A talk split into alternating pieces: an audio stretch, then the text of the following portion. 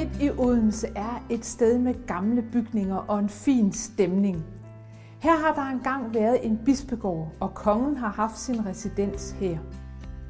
Stedet har også været ejet af en velhavende Odense købmand.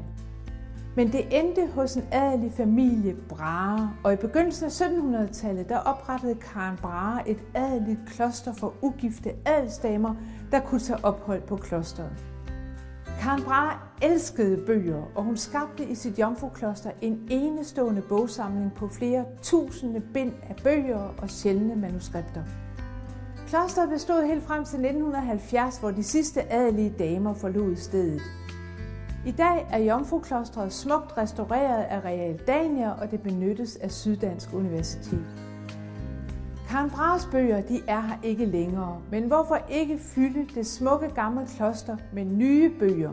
En samling af det bedste af nyere dansk litteratur. Velkommen til Majs Litteraturkanon.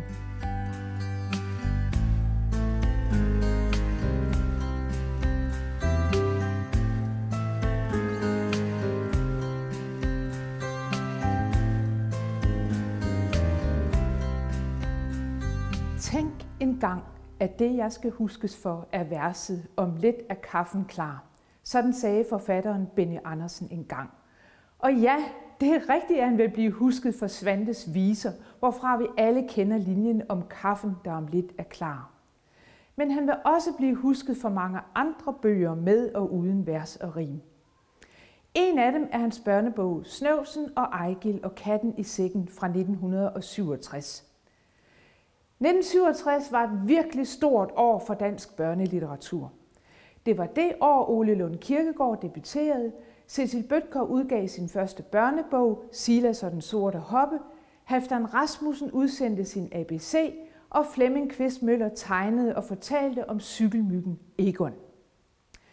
Den nye børnelitteratur var herligt fri for lange pædagogiske pegefingre og idealisering af børn – den var fuld af kunstnerisk energi, og den turde forfølge de gode historier, der dukkede op. Benny Andersen var som forfatter allerede kendt for sin særlige blanding af humor og alvor, og for sit meget skarpe blik for hverdagens absurditeter, og med fortællingen om snøvsen gav han sin egen sproglige fantasi frit løb. Snøvsen og Ejgil og katten i sækken handler om drengen Ejgil, der lever i en lille kernefamilie i en lille by. Faren passer sit arbejde og fortæller tit om alt det, der sker på arbejdet. Ejke lytter, men der er mange ting i det, hans far og mor taler om, som han synes lyder meget mærkeligt. Benny Andersen bruger barnets evne til at undre sig over de faste vendinger og udtryk, som barnet ikke rigtig forstår. Han fortæller om, hvordan Ejgil tænker over udtryk som skattevæsenet, Hvordan kan skattevæsenet være noget af en skurk, når far også kalder mor for sin skat eller skattepige? Ejgil opfatter sproget og de gamle talemåder helt bogstaveligt. Og han spekulerer over, hvordan den røde reje, som familien ofte ikke har, egentlig ser ud. Og hvad sker der, når en myg bliver til en elefant? Og hvordan havner en velvoksen rev bag et øre? Ejgil tegner og forsøger at omsætte de voksnes talemåder til noget praktisk, som da han maler nogle hvide pinde, så han kan skyde dem af. Han har nemlig hørt sine forældre tale om, at mor må skyde en hvid pind efter en ny frakke. Men en dag møder Ejgil et lille bitte væsen, snøvsen, som han har hørt, at folk altid går fra. Man går fra snøvsen, siger faren, og Ejgil er straks med på, at Snøvsen må være meget ensom og længes efter nogen, at, at der er nogen, der skal blive hos den og holde af den. Det bliver begyndelsen på et venskab, der også kommer til at opfatte katten i sækken, som folk helst ikke vil købe og faktisk foretrækker at skille sig af med. Mens H.C. Andersen skaber en eventyrverden, hvor ting og sager får liv og talegaver, oplever vi hos Benny Andersen, at sprogets klichéer kommer til live og sammen drager ud i verden på eventyr. Det er meget morsomt, og det er meget forunderligt. De tre venner, Ejgil og Snøvsen og katten i sækken, der hver især har det lidt svært i livet, er sammen bumstærke og får klaret mange vanskeligheder på deres eventyr.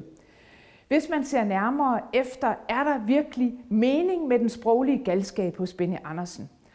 Ejgil, Snøvsen og Katten i sækken møder en række forskellige problematiske karakterer. Tilsammen repræsenterer de syv forskellige dødssynder, og selvom Benny Andersen ikke vil belære, er der alligevel en indsigt for både børn og voksne at tilegne sig. De tre små helte møder to brødre, som er ramt af misundelse, der ødelægger deres liv. Katten i sækken, den kan fortælle historier om folks helt ubegribelige grådighed og ladhed. Og da den var killing, der oplevede den nemlig til med menneskers grusomhed, da andre killinger i dens kuld blev druknet. To unge mænd, som de tre venner møder, er ramt af nydelsessyge, der bevirker, at de indet kæmper om den samme pige, som i midlertid vrager dem begge. Og bageren, ja, han bliver så vred på sin dej, at han tumler rundt i bageriet og selv havner i dejtruet. Endelig møder de tre venner også bøgemanden, som forskrækker folk. Men de får ham heldigvis til at stoppe med det, og de opdager, at bøgemanden det er Ejgils onkel. Der er således nogle fine pointer om ikke at lade sig gribe hverken af misundelse, optræde grusomt eller blive så vred, at man slår vildt om sig. Desuden skal man huske på at lytte til hinanden, når man er venner.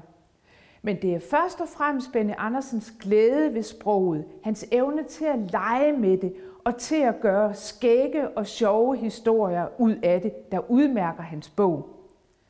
Hans univers det kan minde om H.C. Andersens, og der er spor af Tommelise, den grimme ælling, i historien om Snøvsen. Heldigvis kan man sige, at det er jo mildt sagt en kvalitet at dele sproglig fornemmelse med H.C. Andersen. Historien den ender med, at katten i sækken og snøvsen slår sig ned hos Ejgil, hvilket antyder en højere morale om ikke som voksen heller at glemme barnets evne til at undre sig og til at opleve sproget helt konkret. Og at turde lege med sproget, for dermed at få udvidet sin evne både til at tale og til at tænke.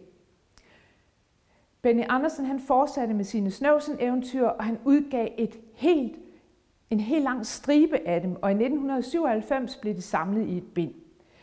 I dag er udtrykket om at gå for snøvsen måske ikke helt så brugt, som da Benny Andersen skrev sit første eventyr om Ejgil og snøvsen og katten i sækken. Mange andre talemåder er kommet til, men Benny Andersen har sikret den lille snøvs et langt liv i både sproget og i litteraturen. Og så kan man jo selv prøve at lege i forlængelse af Benny Andersens sproglige spilopper og se, hvilke væsener der dukker op, når vi fortæller om ord som dåseløver og bogstavbørn, for det er jo ord, der er kommet ind i det danske sprog senere i løbet af det første 10 år af det nye årtusind. Da Ejgil han møder den lille brune snøvs, så går det sådan her til. Jeg synes, du ligner en snøvs, sagde Ejgil.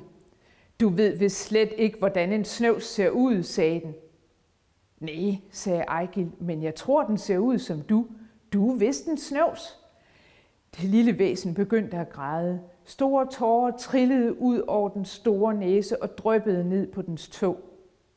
Jeg tror ganske bestemt, at du er en snøvs, sagde Ejgil. Den svarede ikke, men græd bare videre. Jeg vil hjælpe dig, sagde Ejgil. Hvorfor vil du ikke indrømme, at du er en snøvs? fordi jeg er bange for, at du skal gå fra mig, ligesom alle de andre. Det kunne aldrig falde mig ind at gå fra dig. Jeg har tværtimod gået og let efter dig, sagde Ejgil. Men når nogen går fra dig, hvorfor følger du så ikke bare efter dem? Prøv at se, sagde snøvsen. Den gjorde et par hop, og så væltede den. Sådan går det, når man prøver at gå på sin lille tog.